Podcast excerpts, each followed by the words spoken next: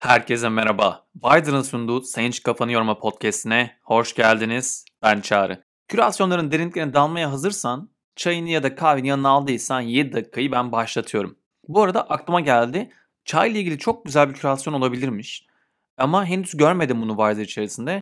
Eğer hazırlarsan haber ver muhakkak. Kesinlikle bakmak istiyorum. Neyse biz bu bölümde inceleyeceğimiz kürasyona odaklanalım. Kürasyonun adı James Webb Uzay Teleskobu. Kürasyonu hazırlayan kişi Çiğdem Tarakçı. Çiğdem'in harika kürasyonları var. Kesinlikle göz atın. Şimdi James Webb uzay teleskopunun böyle kürasyon olunca heyecanlandım. Çünkü gerçekten çok keyifli geliyor bana. Kendimi düşündüğümde ben özellikle hani çok şanslı hissediyorum. Çünkü bir köyde büyüdüm. Ve ben gökyüzüne baktığım zaman Samanyolu galaksisinin neredeyse hepsini görüp o yıldızın isimlerini benim işte babamdan, annemden, büyüklerimden öğrenme şansım olmuştu çok keyifliydi. Ve Hubble teleskopuyla beraber de uzayın derinliklerinden fotoğrafları görmek de çok keyifli ve heyecan verici geliyordu.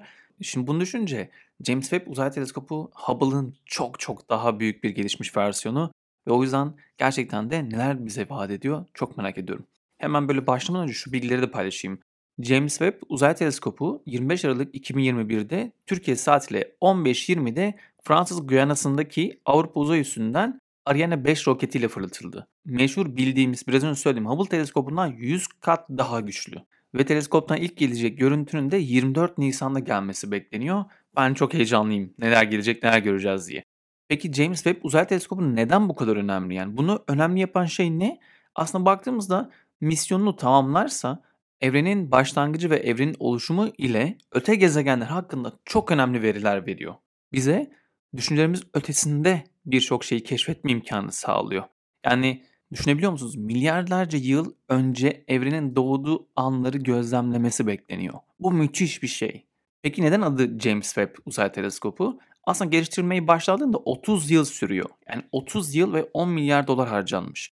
Bu 30 yıl içerisinde birçok farklı isim alınmış ama ilk başladığı zamanki ismi Next Generation Space Telescope. Hatta kısaltma olarak da NGST demişler. Yani yeni nesil uzay teleskopuymuş. Ancak daha sonra NASA'nın ikinci müdürü ve Apollo gibi birçok önemli proje yöneten James Webb'in anısına James Webb Uzay Teleskopu ismi verilmiş 2002 yılında. Şimdi bu bilgilerle beraber kürasyonu göz atmaya başladım. Kürasyonda 9 tane video önermiş Çiğdem. 5 tane makale ve 3 tane podcast var. Ben podcastlerle başlamak istiyorum. Tabii ki çünkü burası bir podcast. Podcastlerin ilki BBC'nin Discovery ismindeki belgesel serisi aslında. Harika içerikleri var. Buradan böyle aldığım notlarda şunlar gözüme çarptı. Şunu söylüyor. James Webb teleskopu bir nevi zaman makinesi diyor. Bunu böyle sindirmek biraz zamanımı aldı dinlerken. Birkaç kez daha böyle dinledim orayı çünkü. Gerçekten bir zaman makinesi. Yani ilk baş dedim ya evrenin oluşumunu gözlemlememizi sağlayacak. Çok ilginç değil mi? Yani biz Big Bang'i görebileceğiz. Belki de onun ötesini görebileceğiz. Çok ilginçti. Ben bu bilgiyi çok sevdim böyle. Sizinle hemen paylaşmak istedim. Böyle çok fazla yer olduğu için de hepsinden böyle kısa kısa şeyler bahsedebiliyorum. Tapirkest'te bilimsel ve teknolojik gelişme üzerine Türkçe bir podcast kanalı. İlk defa Çiğdem sayesinde öğrenmiş oldum ve içeriklerini çok sevdim ve takibi aldım hemen. Bu podcast dinlerken aldığım notlarda şunlar var. İnsanlık aslında var olduğumuz günden beri uzayı gözlemliyoruz. Yani büyük bir gizeme dair atılmış en büyük adımlardan birisi de bu teleskop. Ve uzayın göremediğimiz yerlerini gözlemlemek için büyük bir atılım sağlıyor bize. Çünkü biz aslında var olduğumuzdan beri uzayı merak ediyoruz. Yıldızları, gökyüzünü ve bunlara isim veriyoruz, bunları araştırıyoruz. Onların konumlarına bakıyoruz ve ötesini merak ediyoruz. Ve bu merakımız için attığımız en büyük adımlardan bir tanesi James Webb. Ve bu podcast'ten öğrendim ve şaşırtan sonra diğer makalelerde de gördüğüm şey bu teleskopun yapımı 30 yıl sürse de aslında görev süresinin 5 yıl olması. Yani 30 yıl boyunca aslında üretmek için uğraşıyoruz, çabalıyoruz. Ama uzaya gönderdikten sonra 5 yılla hatta belki 10 yıl bulabilir diyorlar ama 5 yıl içerisinde bu görev süresi bitecek ve artık çalışmaz hale gelecek. Çok ilginç bu bilgi de.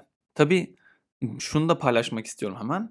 Şimdi 5 yıllık bir iş için neden 30 yıl uğraşılmış? Aslında birçok erteleme olmuş. O kadar çok fazla ertelenmiş ki sürekli bazı aksaklıklar çıkmış, unutulanlar olmuş ve sürekli bütçesi artmış.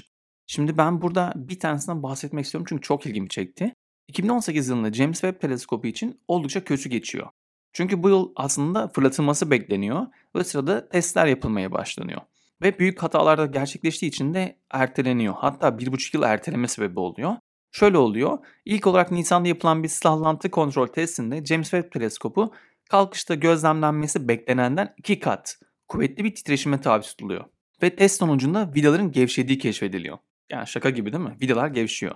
Ve vida sorunu çözüm olarak da teknisyenler conta eklemeyi öneriyorlar. Ama vidalar kilit somununa uymak için tasarlanmış. Ve contalarda bu kilit yapısını bozacağı ne yazık ki öngörülmemiş. E bir de bunların üstüne hem iticiler temizlenirken yanlış bir çözücü kullanılmış hem de kabloların yanlış bağlanması da aşırı elektrik gerilimine sebep olmuş ve bu hatalar nedeniyle bir buçuk yıl daha gecikiyor. Yani bunları bunları okurken çok şey oldum böyle. Ya dünyanın en zeki insanları orada çalışıyorlar. Yani nasıl aslında contaların buna uymayacağını öngöremiyorlar ya da nasıl iticileri temizlerken yanlış bir çözücü kullanıyorlar. Çok ilginç geliyor dünyanın en zeki insanların çalıştığı bir yerde. Ama işte hayat böyle. Bir de makalelere baktığımda da bahsetmek istediğim çok fazla makale var. Harika içerikler var. Ama bir kısmından bahsedeceğim. Örneğin Smithsonian magazinde James Webb teleskopunun gözlemcilerin evreni anlamasına yardımcı olacağı 5 büyük yol diye bir başlıklı makale var. Burada 5 tane şunları ifade etmişler. Bir, erken galaksilerin nasıl oluştuğunu ve büyüdüğünü anlamak için e, yardımcı olacak. İki, diğer gezegenlerin yaşamın olası kimyasal izlerini tespit etmemizi sağlayacak. 3. Yıldızların doğuşunu izleyebileceğiz. Ki çok ilginç bir şey deneyim. Kara delikleri farklı bir açıdan inceleyeceğiz ve beklenmedik keşiflerle şaşıracağız. Bu çok ilginç geliyor çünkü aslında James Webb'in bize heyecanlandıran, bu kadar heyecanlandıran şeyin bir tanesi şu. Gerçekten de şu an kadar fark etmediğimiz, bilmediğimiz evrenin bir bölümünü görebileceğiz. Ve orada bilmediğimiz o kadar çok şey var ki o yüzden çok daha yeni şeylere, yeni keşiflere yol açması bekleniyor. Belki de James Webb'in en büyük aslında bize verdiği, vaat ettiği heyecan da buradan geliyor. Ve Evrim Ağacı'nın da makalesini paylaşmış Çiğdem. Çok güzel makale. James Webb Uzay Teleskobu hakkında bilmeniz gereken her şey anlatan harika bir yazı. Her zamanki bir Evrim Ağacı kalitesinde. Tabi James Webb uzaya fırlatışı anlarını izlemek isterseniz Barış Özcan'ın videosunu da paylaşmış. Çiğdem aynı zamanda Kozan Demircan'ın da videosu var. Çok güzel videolar ve makaleler bol bol var. Hepsine girip bakabilirsiniz. Ben çok keyif aldım. Çok fazla şey öğrendim. Ama 7 dakikada sizinle paylaşabileceklerim, öne çıkan notlarım bunlardı. Ama böyle bölüm bitirmeden de şu sözü söylemek istiyorum. Şu sözle bitirmek istiyorum. Hiçbir şey kara delikten kaçamaz. Işık bile. Yani teknik olarak kara delikler görünmezdir. Beni bu çok etkiledi. Benim böyle aklımda kalan şeyden bir tanesi oldu. Çünkü James Webb artık bize kara delikleri de görünebilir kılıyor. Müthiş değil mi? Ben çok keyif aldım. Çiğdem'e bu kürasyon için çok çok teşekkür ederim. Bir sonraki bölümde görüşmek üzere. Kendinize çok iyi bakın.